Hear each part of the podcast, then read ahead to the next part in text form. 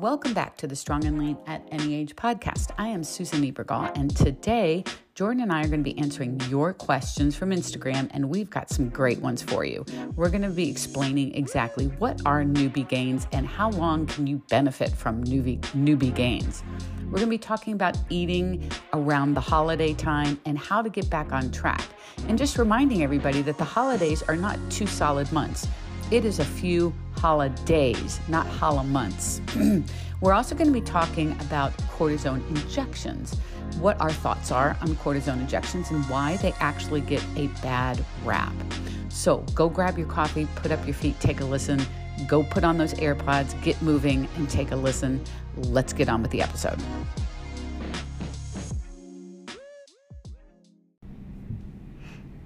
Jordan. Susan. Oh my gosh. We've had quite a day. It's been a day. It's been a day. Um, getting better. We've had a bit of a tough day. Um, getting the inner circle retreat up and running. Um, Facebook glitches everywhere. Yeah, all, all first world problems. Uh, all fa- first world problems. Fa- Facebook glitching, not yeah. letting us post, but we're getting yeah. people signed up. It's yep. good. Yeah, we're but yeah, we're, we're so excited to have the inner circle retreat. This should be the third or fourth annual. It should be the fourth one. The fourth one, and it's only the second one.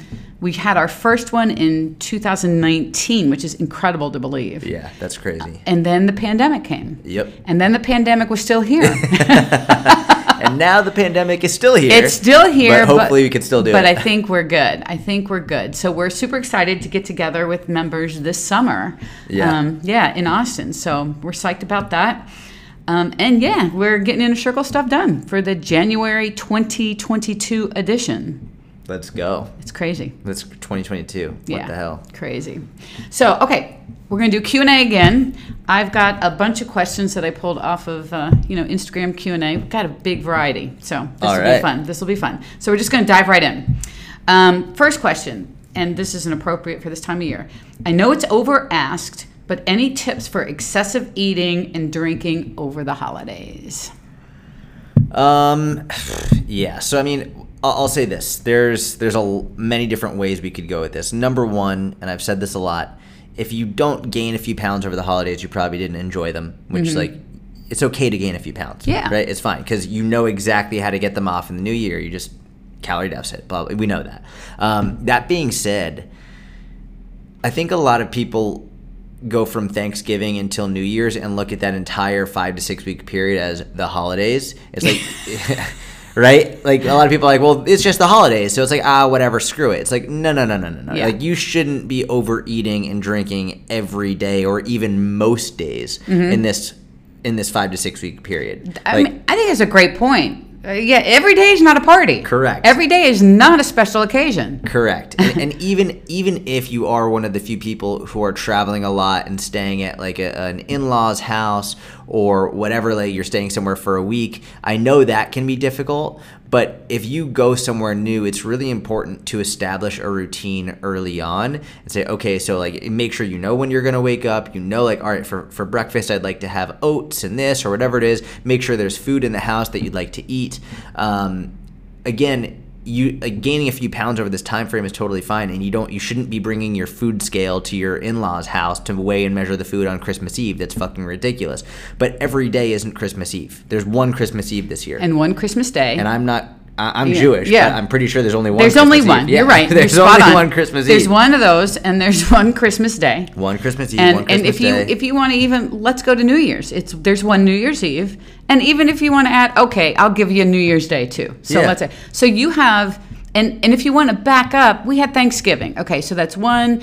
Two, three, four, five, Five days. total Yeah. from November. Correct. Not three months total. Yeah. Yeah. Five days of special occasions. Which you could, if you have five days per month Mm-hmm. in general, you're still 80% consistent. If you have five days of eating over your calories, you're still about 80% consistent. So five days in six weeks, this really, the, the only difference is these five days, you're probably going to be eating and drinking a lot more than normal. Yeah. But like, it, there's no reason to really like lose progress or massively massively ruin anything like you're not going to as long as like you're not justifying binge eating for this entire month and a half I think that's an important point to, that that it, because it's it's special. It's the holidays that that justifies eating like an asshole or binging or whatever Yeah. it is, and that's not what it's about. Correct. I, I- and again, every day is not a special occasion, and I think at some point you have to say, "Am I going out with a happy hour?"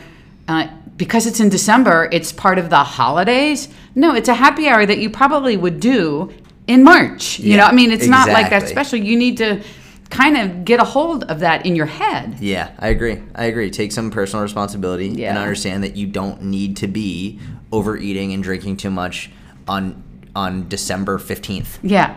Right? I, you know, Oh, that's today, isn't it? Today's December 15th. Yeah, yeah, yeah. I mean, eh, you can on those kind of days, you know, give yourself some some guidelines, some bright lines or something. Okay, I'm going to go out to happy. I'm going to have a drink. Yeah.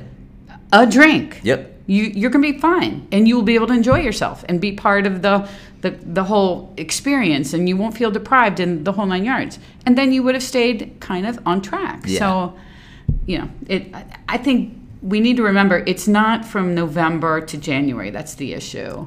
It's January to November. Yeah, that's exactly the right. big issue. Yeah. And we lose sight of that very quickly. And you also have to remember I know sometimes your environment can play a massive role in the choices you make and the things you feel pressured to do. Obviously, we all mm-hmm. started learning that in elementary school. But if the the only person that you have control over is your shell, is yourself, right? That's it. Yeah. So like if you're out with with a bunch of people and they're all going overboard, well, you can make the decision not to. And I know mm-hmm. that's easier said than done, but if you know the next day you're going to regret doing it or if you know that while you're doing it you're not even going to be able to fully enjoy it because you're going to be thinking like why am I doing this? I remember that's how I used to feel in college. I used to feel that way in college when people, the first two weeks of college were awful for me because I had just come back from living in Israel for a year and I didn't want to be there. But like, you want to meet new people and people are going to these frat parties. And I was like, I fucking hate frats. I'm not joining a frat. I'm not doing this shit.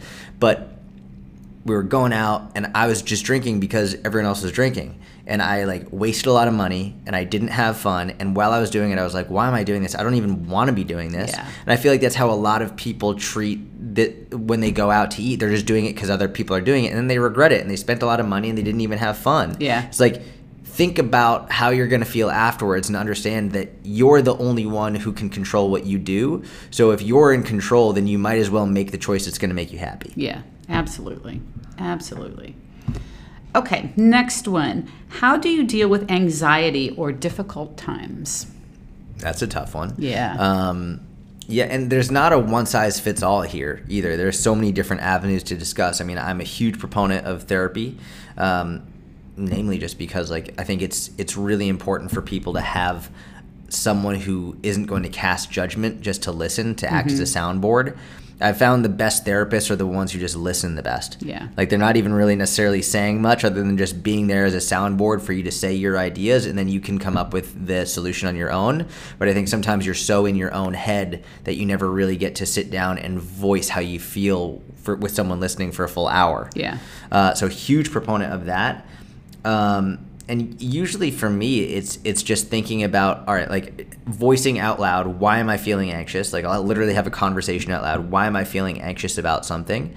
And realistically, I'll use some type of uh, of perspective shift to realize no matter like even in the worst case scenario, I'm still living a very blessed life. Right? And and some people might get mad when I say this. I, I reference this all the time. Anytime I'm feeling anxious or worried or, or down in the dumps, I think about the Holocaust, and I'm like, "Geez, I'm living a great life." Yeah, this Like, ain't nothing. and and, Yeah. and even you could even take it like the Holocaust is a really extreme example, but I mean there are people like millions of people who don't have access to clean water in Mm-hmm. the world right now. Millions, like hundreds of millions of people who don't have access to clean water or food. And I don't say that to to minimize what your struggle is. It's just sometimes that can be a good perspective shift to be like, you know what? How important is this thing that I'm worried about? Like in the grand scheme of my life and the world, is it really that big of a deal? And- And that that's where like you can even get into the universe and the solar system and be like, we're such tall, like small, teeny tiny specks. It's like is this gonna matter at all? Uh, it- yeah, like yeah. at all. Yeah. And in that case, I think some people will take sort of a nihilistic, like, well, what's the point?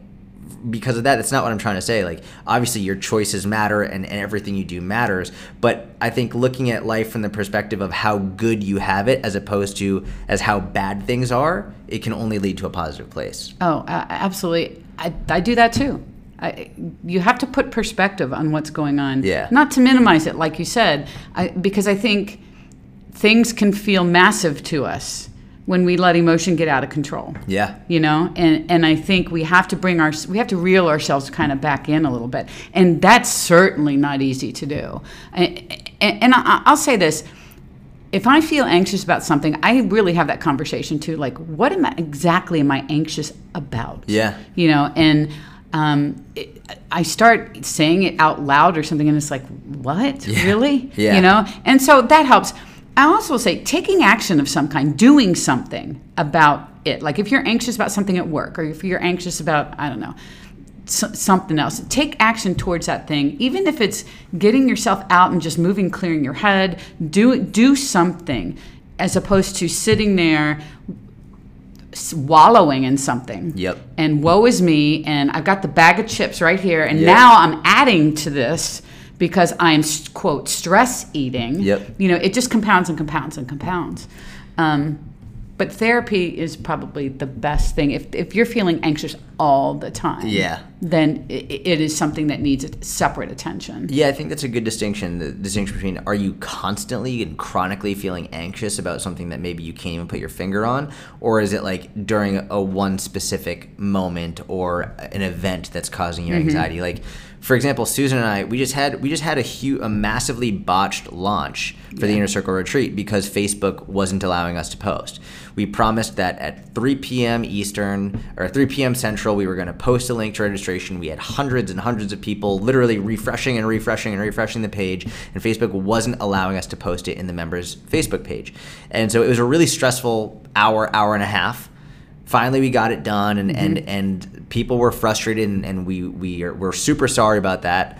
But like, there's only so much we can control. Yeah. And there's only, only so much we can do. So we bit the bullet. We we figured it out as best we could. It's still not perfect even right now as we're making this. But as soon as like it was over, we played basketball for Yeah. about 20 minutes. We're Yeah. like, you know what? Fuck it. We'll throw the basketball around. We we relaxed. We didn't think about it, and now we're and then we filmed a video for the inner circle, and now we're doing this podcast. So it's like you you accept what you can control. You let go of what you can't.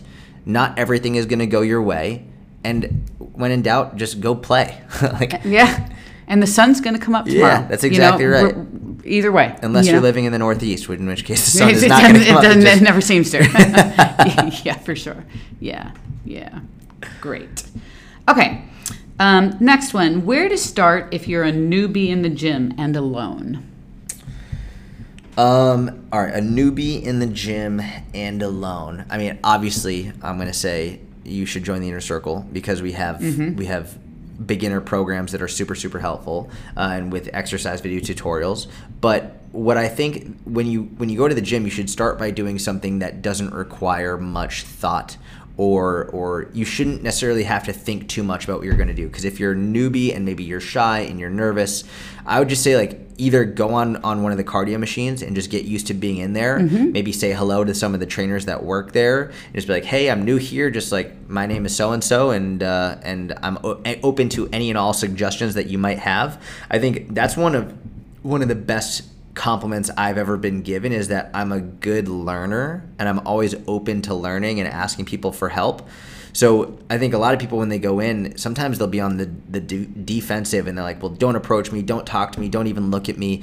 I think you should go up to the people that work there, introduce yourself, let them know who you are, say I'm new here, I'm nervous, and I'm open to any and all suggestions. Right now, I'm just going to go walk on the treadmill because I don't really know what else to do. But if you ever want to talk, I'm more than happy to, to take your advice because now they're going to keep their eye on you and they're going to be able to like they're going to they they know you're they know you want to learn. They know that you want some help. And this way you're opening the door for the experts in that gym to be able to help you and to reach out and to keep an eye on you and maybe take you under their wing a little bit uh, which is very very very helpful. And oftentimes it might be good because they'll be able to see if anybody is like uh, if someone annoying keeps coming up to you they can walk over and you've now established a connection where you can say hey that dude was being being creepy, like could you like talk to them or something, make sure they don't come up to me again. If you establish a connection there early on, it's going to be very helpful for you, and almost it'll help it to start to feel like a place that isn't so foreign to you. Absolutely. I, and, and I think, too, most gyms, when you first join, as part of joining, there's some sort of you get a free training session or a couple or whatever, or a discount for training sessions, something like that. Take those, take them up on that offer too. Yep. Because that will help give you an appointment to go, first of all. So you have a commitment. Yep. And then let that person know what it is that you want to work on. And that person can help um, guide you through the gym where everything is, get you in the maybe the free weight section if you're intimidated to go over there, um, give you a baseline program where you can start to learn basic movements and get strong with those. Yeah. Um, I, I think that's a great way to start, and then you'll feel more and more and more comfortable as well. But yeah, getting to know the people, getting to know the culture in a gym, Yeah. super important. Um, and just watch, watch how the trainers interact with people. Um, and I loved to do this when when I was a member at, at, at a couple gyms decades ago. Just watching and observing trainers and ones that i would want to talk to. Yeah. you know and how they were dealing with clients and stuff like that. Um, yeah i think that's really the way to go. And i know it's probably going to feel uncomfortable to do what jordan said to go and talk to somebody but that means you need to do it That's we're exactly real right. firm believers in that if that puts the fear of god into you then it's time to do it because then guess what you're not going to have that fear of god in you anymore I, I remember, I'll never forget this. Um, I had a client years ago, years and years and years ago, tell me uh, she she didn't she couldn't increase her bench press because there was no one there to spot her. And I was like, "There's no one in the whole gym," and she was like, "Well, there are, but they're all assholes." And I was like, "What do you mean they're all assholes?" She was like, "Well, I just don't want to ask them to spot me." I was like, "So are they assholes, or you just don't want to ask someone to spot you?" She was like, "I just don't want to ask." I was like, so I gave her a challenge. I was like, "The next time we talk, you have to have asked somebody at the gym to help spot you for the bench mm-hmm. press." She was was not happy about it. She didn't want to do it, but she's like, "You know what? Fine, I'll do it." She went up to a group of guys, asked if they could spot her. They spotted her. She hit a personal record bench press because now she had an easier time getting the bar out, and then she made friends at the gym. yeah And and it's funny because the, the next time we spoke, she was like, "I said they were assholes, but I sort of just judged them based on how they looked." Yep. Yep. And it's so easy that if you're sort of new in a gym, or maybe if you're not even new in the gym, it's it's easy to judge people. It's so funny. It's like I think it's the most common thing for people to say, "Oh, I don't judge. I don't judge." We all fucking judge. we all judge We all judge based on appearance. We all judge based on how someone, how they talk. It's normal. It's actually, I think, it's in an, uh, from an uh, evolutionary perspective. I think it's sort of a way that we can protect ourselves. But when you do it too much and you do it too severely, I think you often limit your ability to grow and to meet new people. So, like, if you notice yourself, well, I'm not going to talk to anybody because like they're probably going to be mean or they're going to judge me. It's like that's your projection onto them. That's Yes. not actually how they are. yes yeah be very aware of that I've, I've noticed the vast majority of people in gyms are very kind. oh they're great There are a few stinky buttholes. and but- every gym there always will yeah, be but the vast majority of people are super nice. yeah super nice And especially if they work there. Like, hey, go in and, and hey, listen, this is I'm new here. I'm very open to learning. I am very shy. Like even just talking to you right now is very difficult, but I really want to learn and improve, so I'm open to any and all suggestions. I'll tell you what, if you said something like that to a trainer or an employee or whatever at the gym, they will love you forever. A hundred percent. And they will be on uh, they will be on your side. They will be looking out for you. That's right. I mean, seriously, they Yeah. will. The the other thing that that Susan and I do in the inner circle is we w- there are two different programs you could start with. One of which is a dumbbell only program. Mm-hmm. And Susan and I were just talking about this yesterday. One of the great parts about that is it reduces how much equipment you need to use and Yeah. how much you need to master and understand, right? Yep. If you're trying to use the barbell and the, this machine And and, cable, that and all yeah. that, it's like it can be really overwhelming how to set it up, how to move the pins, how to load the da da da da. But if it's just dumbbells, it's one piece of equipment And you hold them. and that's it. And that's Yeah. it. And there will be a learning curve, but at Yes. least it's a learning curve where you could take the dumbbells, go into a corner of the gym by yourself, and you can do it and get to and maybe film and record yourself without other people watching. So if you're if you're not sure, maybe just start with one piece of equipment and go from there. I love that. I think that's a great idea. Yeah. Okay, next question. How to know when I've maxed out quote lean slash newbie gains and need to bulk to grow? And need to grow. Yeah, like to keep growing is what I'm assuming. How to know when I've maxed out lean newbie gains and need to bulk to grow. Got it. Okay, so so I'm gonna assume what they're saying is newbie gains are the gains that you get when you're brand new to the gym. They usually last for somewhere between six to twelve months of your first six to twelve months of proper training. And generally speaking, you can build muscle in suboptimal conditions with newbie gains. Like you don't even have to be uh, eating uh, the correct amount. You don't have to be eating with uh, uh the sufficient amount of protein. You don't even have to be lifting outrageously intelligently in mm-hmm. order to build muscle because it's your body is fresh and new to adapting to it. But at a certain point, usually within the first six to twelve months, you'll notice it stops. Yeah. And and okay, well now I need to I need to make a change to my training and or nutrition in order to continue to grow. I'm assuming that's what that's what yeah, they're talking about. I think so too. And with that in mind, it, they sort of created a false dichotomy of well, how do I know when it's time for me to bulk in order to grow? You don't have to, and by bulk, oftentimes what that means is go into a calorie surplus. You don't necessarily have to increase your calories or go into a calorie surplus in order to grow what maybe you just might need to do is just eat around maintenance and or increase your protein intake to a sufficient amount and uh, hold on we're having a little technical difficulty never mind we're back we're on good. track we're, we're good, good. um, so you don't necessarily need to bulk. It might just be that you need to potentially make sure you're getting enough protein and just making sure you're in eating around maintenance mm-hmm. uh, is, is, really all you have to do. And then make sure that your training is in check. Training. I don't think people should be training more than four times a week for strength. I totally agree with that. If you're and for any if if if any physique competitors or bodybuilders are in here, sure you can train more than that if you want. But most of the people that you and I work with they don't want to be bodybuilders. They don't no. want to be standing on a stage in a thong no. with a spray tan, getting their body judged by complete strangers. They want to lose a little bit of fat, get strong, build some muscle. Be healthy. yeah, that's yeah. it. So if that's you, there's no reason to strength train more than four times a week. Yep. Um, and it, three or four times a week is plenty. So with that in mind, just make sure you're eating enough protein. Make sure your calories are around maintenance, and that way you can continue to grow and get stronger. That being said, I think the biggest thing to remember here is that your progress will never be as fast as it was when you were a newbie. I think that's critical to understand. Yeah. And it, it's like, you know, losing weight.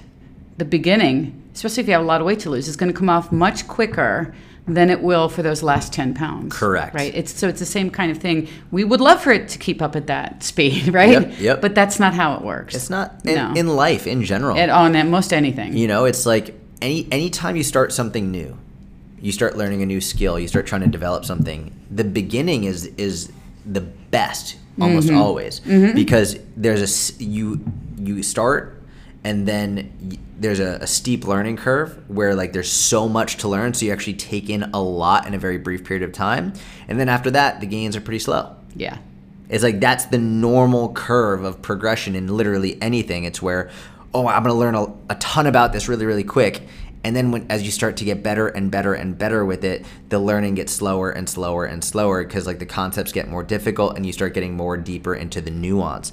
But same thing with strength training.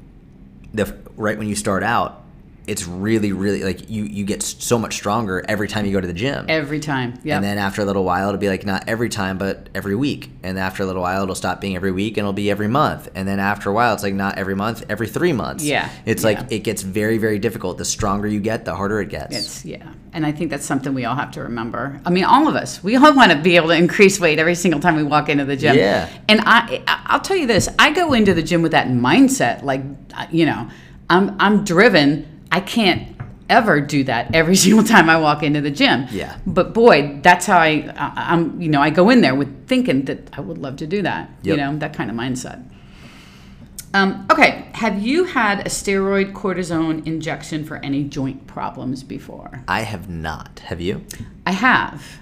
I have in my shoulder, my right shoulder, before I had a scope um, and potentially might be knocking on the door of one for my hip in the near future. And I think cortisone injections get a bad rap. Yeah, they do. Um, you know, oh, I don't want to get a shot. I'm like, well, why not? And and you know, I, I've I hear everything from it just masks the issue and blah blah, you know, all those things. Yep. And it, I don't agree with that. I think cortisone can be very helpful in many circumstances. The problem is after you get a cortisone shot, you feel great. Yep. Because they're injecting anti-inflammatory right to the spot. Yep. Right. Instead of taking Motrin, you're you're getting stuff right at your joint, um, and so your joint starts feeling better very quickly. And the big issue is when your joint feels better, you start doing the same shit you did to get you in trouble in the first place. And Yep. that's the problem. It's not the cortisone. It's how you behave after you have that Yep. you know and and i feel like um, that's where people go wrong and why cortisone is frowned upon so much That's so. I think I agree completely. When people look at it as as the solution, Mm-hmm. It's not the solution. It can just help you mitigate the pain that you have, so you can now move around pain free. But that doesn't mean that you should not rehab it correctly or change how you're training in order to prevent that from getting worse and, and making it, it more terrible and painful down the road. I think a lot of the issue is like it also depends on on the injury you're dealing with, right? Like you've mm-hmm. got a bone spur in your hip, right? Mm-hmm. And it's catching and it's like mm-hmm. super painful Yep. and they're not sure if they want to do surgery on it and uh, probably not, right? They're Probably not. Probably, not doing not. surgery on it. So the the ability for them to go in and actually fix it manually is m- m- little to none. Yeah. is like probably not possible. So for that, I it makes total sense where it's like, cool, like how do we manage this pain? Yeah. The issue that I see is like, let's say someone has, um, let's say they have a, a shoulder issue, where it could whatever their shoulder issue is, it could be very much the pain could be fixed through proper training, mm-hmm. right? The pain could be fixed or you know what? Well, yeah, well, you're doing like five upper body days a week. You're benching with terrible technique. Mm-hmm. You are, your all of your upper body days are pushing. None of them are pulling, so you're not training your back muscles. And you want to get a cortisone shot because your shoulder hurts. It's like, well, obviously your fucking shoulder hurts. Like Yeah. you're training like an idiot. Yeah. So I think it's it gets a bad rap, but also it's important for people to understand that it's not it shouldn't be your first thing that you look for. Yeah. like you have pain, cortisone. No, no, no. Yeah. Let's take look at every option that we have. Let's analyze your behavior. Let's analyze your technique. Let's analyze your programming. Let's analyze your your your structure of your anatomy. Let's analyze all of that before we decide is this worth it. And then it might come to a point where you're like, you know what, this is definitely worth it. Yeah. But it's not definitively bad like a lot of people make it out to be. Amen. And you know, that's exactly what I'm doing right now. We're going over I'm trying to correct some movement patterns that I'm now aware of and uh, get consistent with those and um, we'll see what happens. And my hip has actually been great these past three Yeah. days. So I I'm not jumping on the cortisone bandwagon. I don't need to yet, but I- I think when you cross a line and you're in pain every single day, Yes. But really, if you're not there yet and you have some issues, start looking at what Jordan just said. You're, how are you even sitting for hours and hours a day? Yep. Are you are you working out? Is your technique good? Are you doing anything for your posture? What what are you doing? Because I think so many of those issues are fixable. And and that's what that's what you've been doing. I mean, it's been a long road for you. Yeah. Like you've been, done everything in your power, like trying to figure out what is going on here. Why am I in pain? You've been going to physical therapists. You've been going to Matt. You've been Mm-hmm. going to all these people. You've been in the gym downstairs. You're like checking out like your hip height when you do different movements. Yeah. And you could get a cortisone shot immediately, but it's like let me see what I can do first Yeah. because you're trying like how what can I do on my own to take control and fix this before I just get this injection, right? Yeah. And and again, it it it will probably be very very helpful for you, but I don't i think that you don't realize that anyone listening to this hasn't seen how hard you've been working to fix this. Yeah. All the steps you've taken to get to this point where you're Yeah. like, cool, now this is a valid option. Yeah. But it's like you've been working your ass off to get to the point where like, you know what? Like, all right, this might actually make sense. Yeah, and I'm getting there. But, Yeah. you know, it, it, something to live with, and and that's a whole nother podcast we can talk about. Um, just newly diagnosed with stuff that I'm just gonna have to live with and learn how to live with it, and that's part of what it is. Yeah. Right. So. Okay, when you first became a certified personal trainer, how did you gain clients? Um, I just trained people for free for years and years and years. Mm-hmm. In And- person? In person, Person first. Mm-hmm. In person first. But I'm trying to think about the certification because d- did I tell you about the certification that I got to Coach Gary? Oh yes, you did. You So- did. So you went online. Yeah, so I didn't really have a certification. I got I I'll tell you the certifications that I that I've got. I've got a West Side Barbell certification, which is a very highly regarded certification, but in the sport, in a powerlifting world, Mm-hmm. it's like if you go to a, a, a Blink or a Crunch or an LA Fitness or a Boston Sports Club or New York Sports Club or Gold's Gym, whatever, they're never have going to heard of this certification. This is a very specialized certification. Like no one will have heard of it. Uh, in the powerlifting world, it's very highly regarded, but no one's heard of that. And then when I was like 21, I got the Precision Nutrition certification, but that's a nutrition cert. That's not a, a personal training cert. Um, so I didn't really have a personal training certification, Mm. and I never really thought it was necessary, and I still don't think it's necessary. I've never had someone be like, "I'm only going to sign up with you if you show me your certifications," Yeah. ever, because I've been coaching people since I was 14, and I've learned more from actually coaching people than than I did in four years of college. Amen to that. Um, so when I got a job, if you don't know who Gary Vaynerchuk is, he's a very, very famous uh, entrepreneur, millions and millions and millions of followers. Basically, he he gave me he offered me a job to coach him for three years. But before I started coaching him, he lived in New York.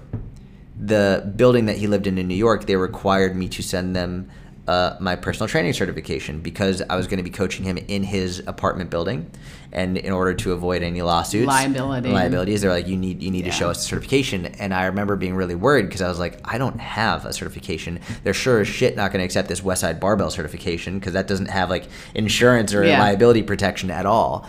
Um, so I literally Googled like online personal trainer certification and on like page seven of google i found this this like $17.99 certification that was about 10 questions from a website called expertrating.com it's still there. I researched this recently.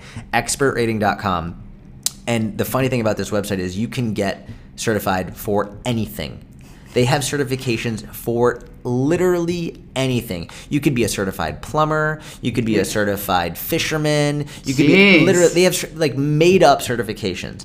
And it was so old and bad and outdated that based on the questions they were asking and how they were asking them, I knew what answers they wanted even though they weren't correct. So I passed the expertrating.com There you go. personal trainer certification. How many questions? 10. Ten- only 10? 10 questions. It was multiple choice. They were all like super, they were probably questions from like the 1970s. Yeah. And, uh, and then I got that and I sent that in, and then that's how I got into coaching Gary because I got liability insurance for that, which is ridiculous. But it just goes to show you like the letters after your name, they don't mean anything. They mean nothing. They, they don't mean anything. What matters is how much you care and how much time you spend studying on your own and how much effort you're going to put into making sure your clients are getting the best uh, the best coaching. And that just comes from caring and doing your own research. And that can include getting certifications, but personally, I don't see why someone would want to spend so much money on a certification when you could just learn all of it for free on on reading or not even free, but getting amazing books that you can get online or reading amazing long form articles, not spending time on Instagram, but spending time actually Yeah. in the literature and getting amazing books. Like I still, anytime I want to learn something, I get a real book. A real book. A real book. Yeah. Like I just got two new books about energy system training the other day because I was like, I want to learn more about training for energy systems. So I fucking went online and I got two books that are very highly rated for that.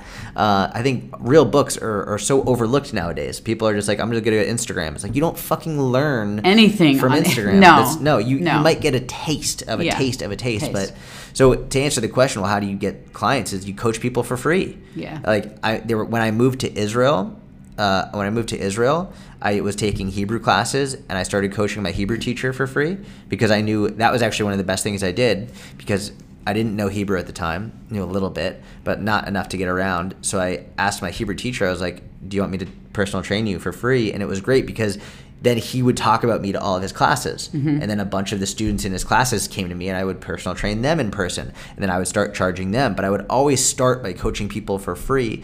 If you live in a in a in a close neighborhood with people, like coach your friends or your neighbors for free. Coach them. Go op- get your gym, like a bunch of equipment for your gym. Coach them for free, and you could have a really, really great personal training business in your in your garage for just your neighborhood. If you start by coaching a, a handful of people for free, and then the word of mouth will spread. That's how it kind of worked for me. I mean, I, I got, I did get certified when I was uh, still a school counselor because I didn't know. I knew nothing. Yeah. Um, that I didn't know that it was going to be so useless. To be perfectly honest, is what I'm Yeah, trying to say. yeah. I spent an inordinate amount of time trying to study and pass this exam, um, and it. I don't use any of what I Which I certification was it? ACE. ACE, yeah, yeah. and I don't use any really of what ACE uh, taught me. But I, w- I will say this how I grew and started actually my business was coaching for free a couple of my teacher colleagues after school. And that grew into everyone started having an interest, and that grew into small group, like three or four kind of training. And that grew into a couple sessions of three and four, you know, I mean, and then it just started going over from there and I had some neighbors that would come over and I would train them and the the same thing the more experience you can get by working for free the better off you're going to be down the road Yep. without a doubt And one thing you could say, because I know a lot of people are like, well, what if I like don't have the option to coach for free?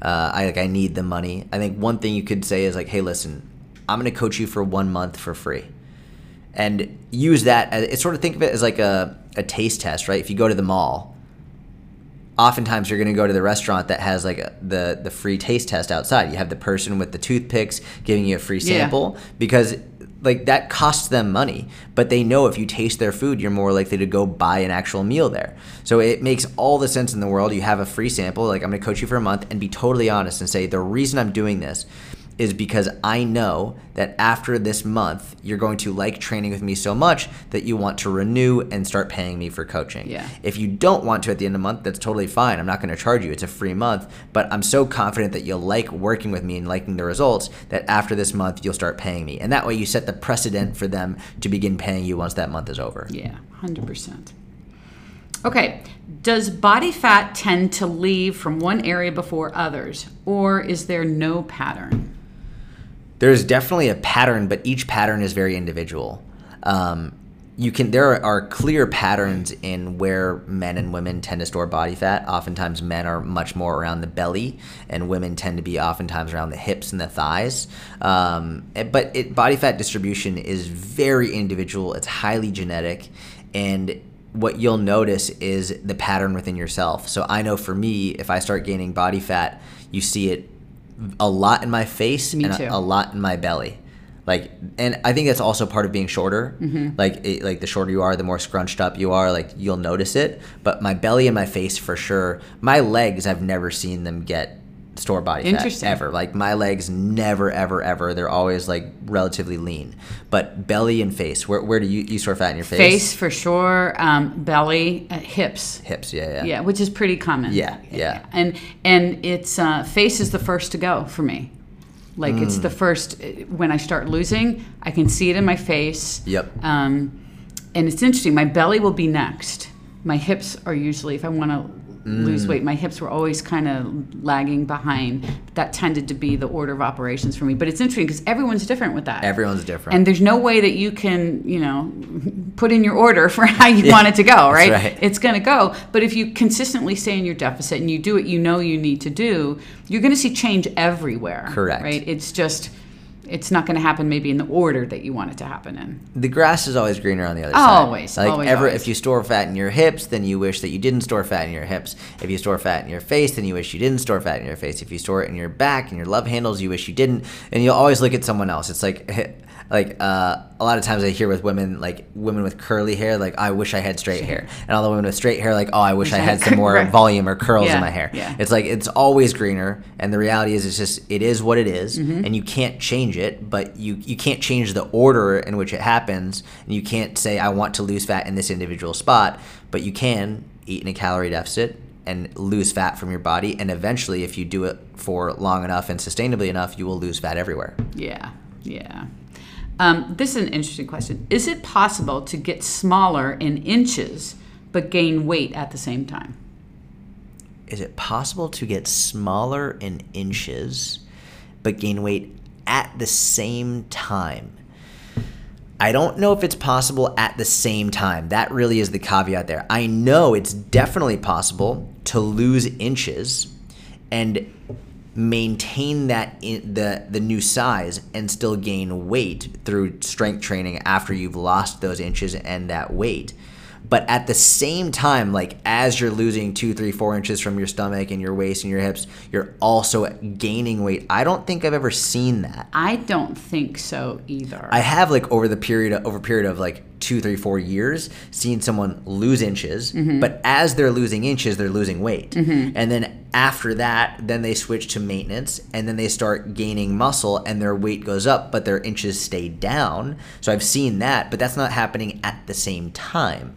I'm wondering too if I don't know how long of a time this person was talking about, but someone's losing inches, but the scales maybe Fluctuated you're up. holding yeah you're holding onto some water Yeah, or something like that. Maybe that's what's happening. That's and I- that's probably what's happening here. And and usually when people ask these questions, it's like they step on the scale one day and the scale went up, but their measurements are down, and they're just like, "Well, I must be gaining weight Yeah. while I'm losing." It's no, it's just one fucking fluctuation. Yeah. It's like it's normal to have the weight fluctuations, but if you're looking at the trend over time, your weight will also go down eventually. Yeah, absolutely, absolutely.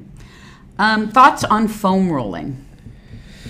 Um, my thoughts with this are very much if you like it and it makes you feel good, do it.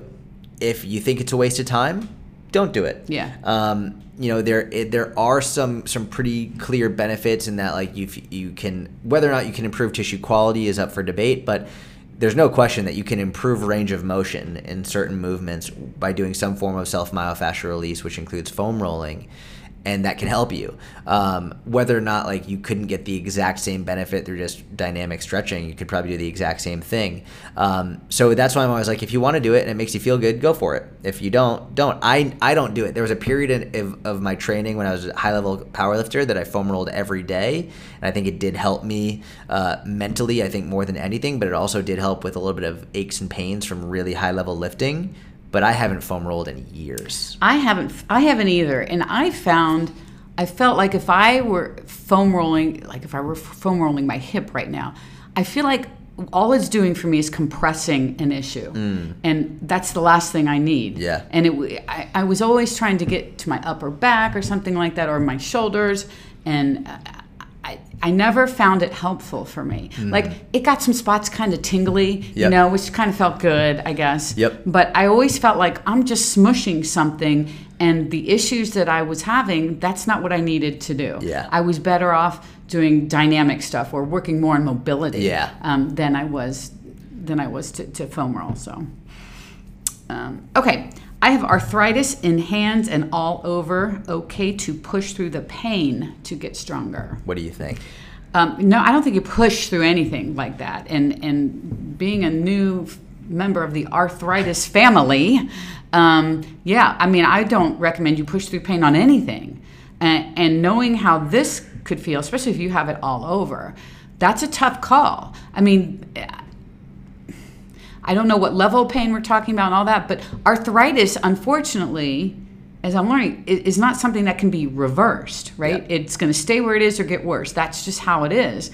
And so now you have to figure out, okay, so maybe I need to find some movements that I can do, maybe with less weight. Maybe it's not so bad on that. Maybe it's more of a discomfort when I take away the weight. Discomfort, I'm, I'm all about trying to do some stuff and you have a little bit of discomfort. I think that's okay, but I don't think it's okay when you when you do something and you hit a wall with pain. No. That's a no. That's Yeah. a hard no. Yeah, you, you don't want to push through it. You want to find a way around it. And unfortunately, that might mean you have to give up some things that you mm-hmm. really enjoy. So if you love really heavy lifting, but mm-hmm. you've got some hip arthritis and that's really bothering you, then maybe you're going to have to give up, I don't know, maybe super heavy sumo deadlifts and switch to some type of a Romanian deadlift. Uh, on a more extreme level, you might have to give up some level of strength training and then maybe see how it feels in the pool and get get in the water and see if that helps your arthritis. Um, there's always something you can do. It's just a matter of finding, Finding it. it. That's really it. And you know, someone might hear that and be like, "Wait, so you're recommending someone not strength train if they have arthritis?" No, that's not what I'm saying. But what I am saying is, for some people, that might be the solution. And it's okay. Like you can still make amazing progress in the pool and, and exercise and get amazing benefits. No, it's it's different than heavy deadlifting, and you're not going to get the same maximal strength benefits, but you will get cardiovascular benefits. You'll get strength endurance benefits, uh, and you'll get and you'll get the ability to do it without pain potentially. So really, like the number one goal is movement pain free. Yeah. That's it. Yeah. And if you can do that in deadlift, amazing. But if your arthritis is preventing you from doing that, and the only way you can really get some um, high quality movement in pain free is to get in the pool, then do that. Then do that. Yeah. I, or dancing, or wha- whatever it is. Find what, what you can do pain free. I think the biggest issue when when you're injured of any kind is that your mindset kind of goes to this was you know this is useless because it's not what it was. Correct, yep. You know, and and I think you have to shift your mindset to find what to go and find what you can do because there are things that you can do. I guarantee it. But you have to be willing to take the initiative and go find what those are. That's right. I mean, it's on you to find out what those movements are and explore them. Yep. And there might be times where one day they feel okay and the next day they don't. Welcome to the world of getting older. I mean, that happens like every day. You, it, I can tell when I walk into a gym and do a warm up what it's going to be like. This is a no go today. This is going to be okay today. Yeah. You know, and and that's what you learn with experience. But you have to take the initiative and find what you can do. I think what you mentioned there that uh, is so critically important is that if it's not what you've always done, you might think it's not worthwhile. Yeah. And I know when I retired from powerlifting, I had a very difficult time switching to different style workouts because I was like, I've done powerlifting for however many years. I've written about it on my website for however many years. I built my entire business around powerlifting. And I had unconsciously convinced myself that powerlifting was inherently the best style of workout and anything else was subpar or mm-hmm. suboptimal. So when I switched and I retired, I went through a really difficult phase of being like, well, what workout can I do? Because nothing is as good as what I was doing, but I don't want to do that anymore. And then I had to try new things and learned I was like, oh, well, this is just as good, if not better, because this is my goal now. So you have to remember maybe you, you can't lift the way you once were able to, but that doesn't mean you can't find something else now that will still give you amazing benefits that you can still enjoy and still get uh, uh, health improvements from. Yeah, 100% true. All right, last one. How do I get motivated to even start?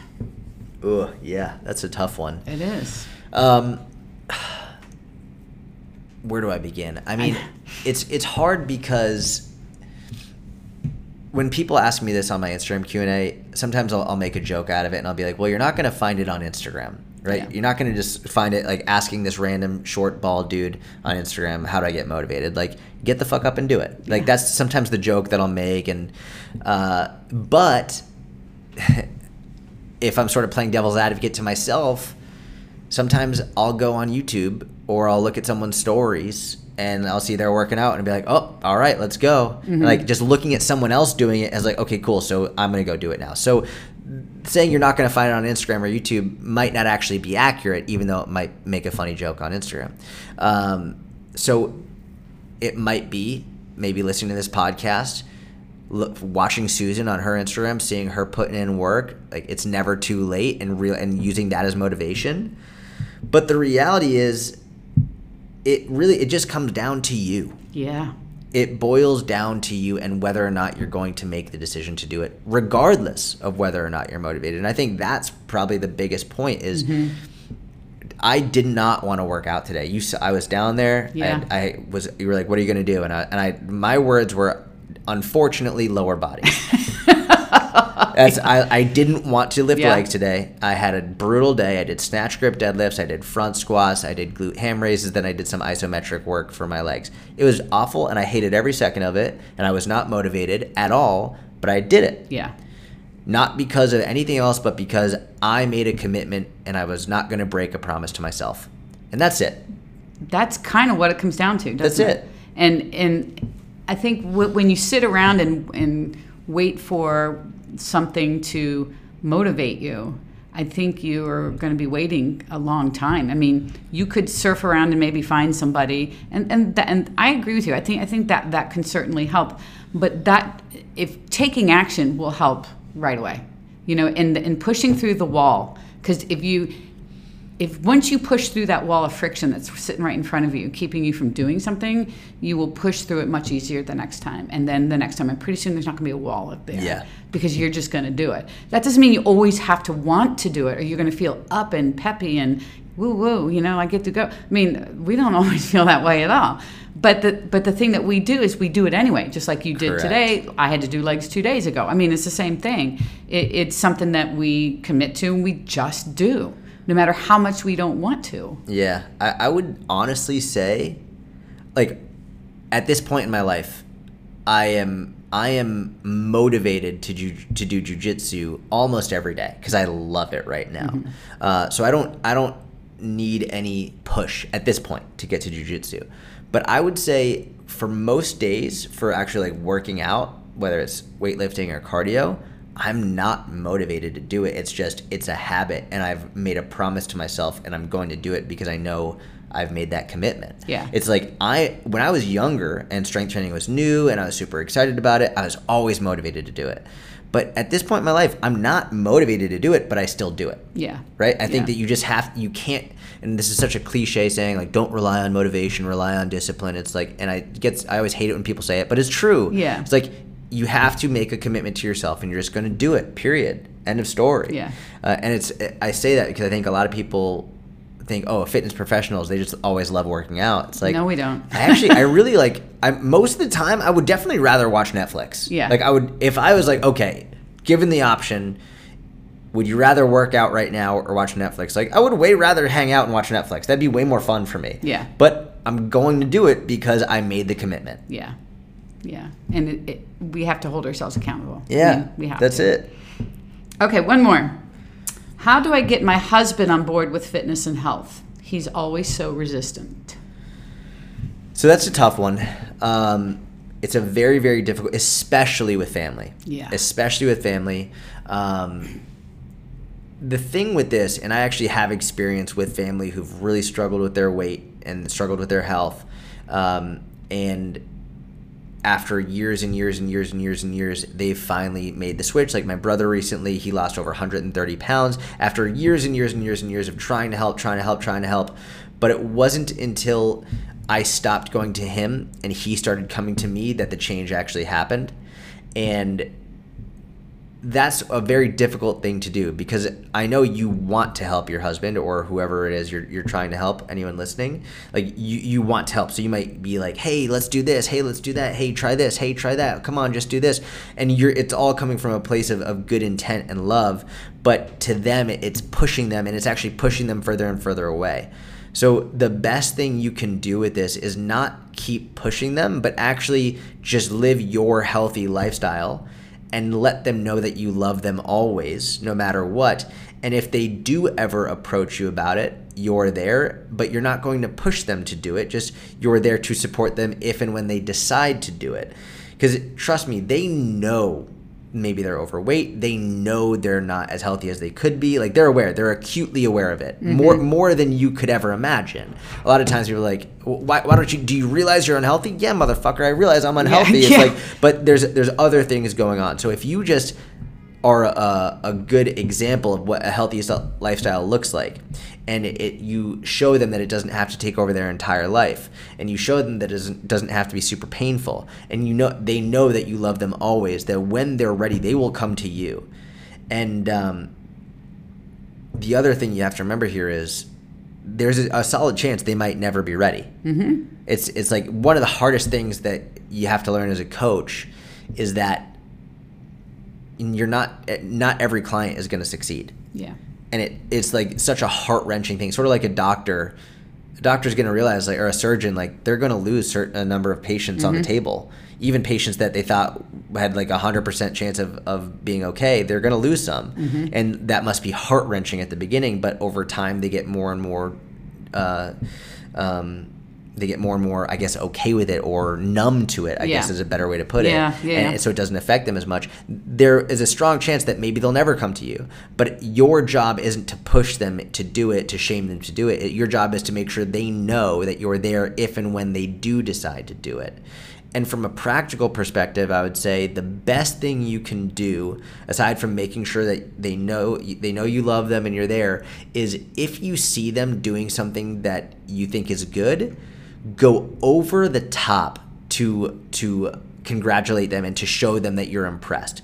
I think especially with a spouse or a family member, it's so easy to only criticize, right? Like, well, why aren't you doing this and why aren't you doing that? But then when they do something good, like maybe they go on a walk or maybe they whatever it is, or maybe they're eating fruit when they could have had pizza, you just ignore it because in your mind you're like, well, that's what they should do anyway. So you don't actually give them props. You don't actually show them that you're you're watching and that you're impressed. So one of the best things you can do to get people to do the behavior that you want them to do is to go over the top and you see them went on a walk. Oh, I saw you went on a walk. That was awesome. That was really good. Or you see them having an apple, be like, let's go. I like that you're eating that apple. That's amazing. Reinforce the behavior that you want rather than criticizing the behavior that you don't want. Yeah, I've lived this. Yep. The exact scenario that I, I tried to push it on my husband, and not not a good scenario comes out of that, you know. and and then the heels get dug in, you know, and then Yep. you feel it's like this big wall.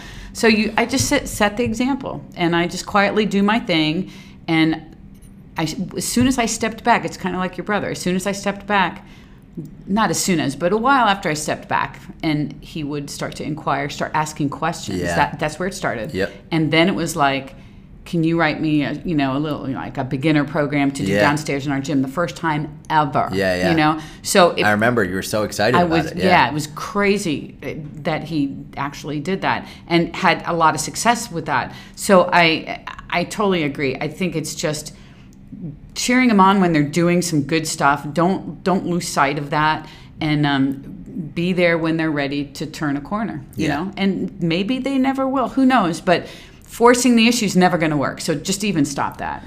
I think one of the the things to remember here is is like one day they're going to be gone. We're all going to be gone at one point, right? And it's like not fun to think about. But either way, one day they're going to be gone. And assuming you outlive them, you don't want your regret to be I should have shown them more support. Yeah. I should have like made sure that they they knew that I was there. Like you don't want that regret, right? You might regret trying to push them too hard and shaming them. So when you when you think back, you can rest easy and, and and know that you did your job well if you just know that when they're gone, they knew that you loved them and supported them. Yeah. As long as you can know that, then you won't feel you you won't feel as guilty because I think when someone that you love dies, like you probably always feel guilty Yeah, on some level, do. Yeah. uh, no matter what. But you can at least know that you handled it to the best of your ability by making sure that you set a good example and they knew you loved them. And that's really the most you can do. And wait for them to come to you, not trying to push it onto them. Absolutely. These are interesting questions today. Yeah, they were good. Really. Yeah, They were very great good. questions. So before we go, just tell everyone where they can find you. I know they know where to find you, but just in case we got some new people here, Just go to Google, search my name, Jordan Syatt, and it'll all come up. he's everywhere. he's everywhere. So thank you so much. Thank you. It's been great. Love you. Love you.